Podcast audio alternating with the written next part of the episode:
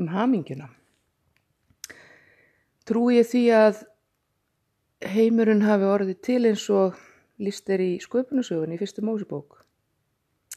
Nei, ég ger það nú reyndar ekki. Um, sköpunarsagan er miklu frekar um það hver tilgangur okkar á jörðinni er en ekki um það hvernig heimurinn sem efna klasi hafi orðið til fyrir tilverknar Guðus. Um, ég veit ekki nákvæmlega hvernig heimurum var til, það er margar kenningar upp um það. Ég er heldur ekki trúslega áhuga sem um það, en mér sköpunarsagan uh, frábær vegvísir uh, í áttað hamingjum. Það er náttúrulega þannig að okkur langar öll að höndla hamingjum, að vera hamingjusum. Veitur endur ekki hvort við getum höndlað hana beint en við getum unnið aðinni. Þegar maður er orðin, já, kannski svona færtugur eins og ég er núna, hafa maður svona sennilega, ef allt er með feldu, búin átt að segja á því að það er ekki að færi annars fólks að gera mann hafmyggju saman.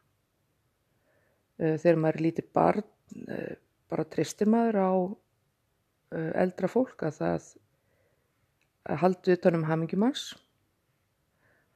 passu upp á það að maður sé hafmyggju samur með því að sinna grunnþörfum og, og öðru sem maður þarf á að halda.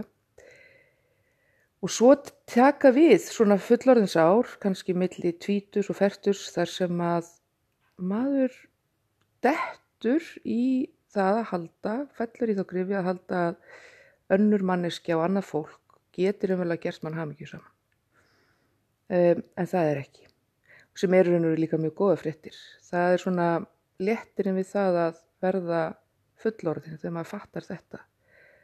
Hins vegar er þetta þannig að fólkið sem maður elskar, börnin manns, maki, vinir, foreldrar, sískinni, allt þetta fólk hefur áhrif á hamingjumars og ef að tengslinn við þetta fólk eru góð, þá auðvitað er maður hamingjusamari. Það er alltaf ljóst. Og það að eiga góð tengsl við maka sín, börnin sín og alla ættingja um, eru þetta uh, hamingja. Það er ekki þeirra að gera mann hamingju saman en það er hamingja að vera í góðum samskiptum. En okkur var ég að tala um sköpunusögun upp af, jú, vegna þess að e, það er á færi mann sjálfs einverðungu að gera sig hamingju saman. Og ég held að sköpunasagan þar sé líkilin að finna. E, heimurinn var skapaður samkvæmt henni uh, á sex dögum og sjönda degi uh, tók Guð sér kvild. Ég held að þetta er að segja okkur það að í raun og veru þá þurfum við að vera að skapa eitthvað hvern einasta dag til þess að vera hamingjusum. Og kannski allt í lagi að taka sér frí frá sköpuninni eitt dag í viku. Sapna kröftum, sapna upplýsingum lesa, verið samskiptum og, og allt þetta sem við þurfum til þess að, að fá bensín á bílinn ef við getum orðað þannig á, á hugan og sköpunargáfana. Hína dagana hefur við verið að skapa. Þannig að það er þannig að þegar að maður er að skapa eitthvað þá er maður inn í einhverju ástandi þar sem að maður útilokar allar óþarfa áhyggjur uh, of hugsanir um einhverju hluti sem maður getur ekki haft uh, neina áhrif á. Uh, maður hefur ekki tíma til þess að vera að rýfa sér niður, maður er í styrkleika sínum að því maður er að búa eitthvað til, þegar maður er að skapa eitthvað, maður er að búa eitthvað til, þá er maður í styrkleika sínum og þá er maður auðvitað hamingisamari. Uh, að því hamingin eru auðvitað að, hafa sjálfströst, uh, búa yfir styrk og dett ekki í ofhugsanir og kvíða og, og óþarfa áhyggjur. Talandu ekki um bara áhyggjur af framtíðinu sem við getum ekkert, við vitum ekkert hver verður.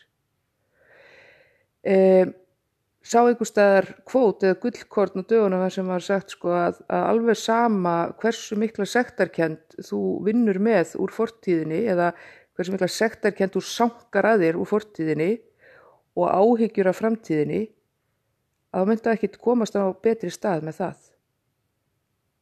Það er flott. Ef þú ert að skapa þá ferðinni ákveði dáleisla ástand þar sem þú hættir að hjakkast í fortíðinni og, og sektarkendinni yfir henni og áhyggjunum yfir framtíðinni. Og þegar maður er hafmyggjusamur, og nú erum við kannski komin að upphafin aftur, þegar maður er hafmyggjusamur, þá ámaður auðvitað betri samskipti við fólkið e, í kringum hann, maka, börn og aðra ástöðni.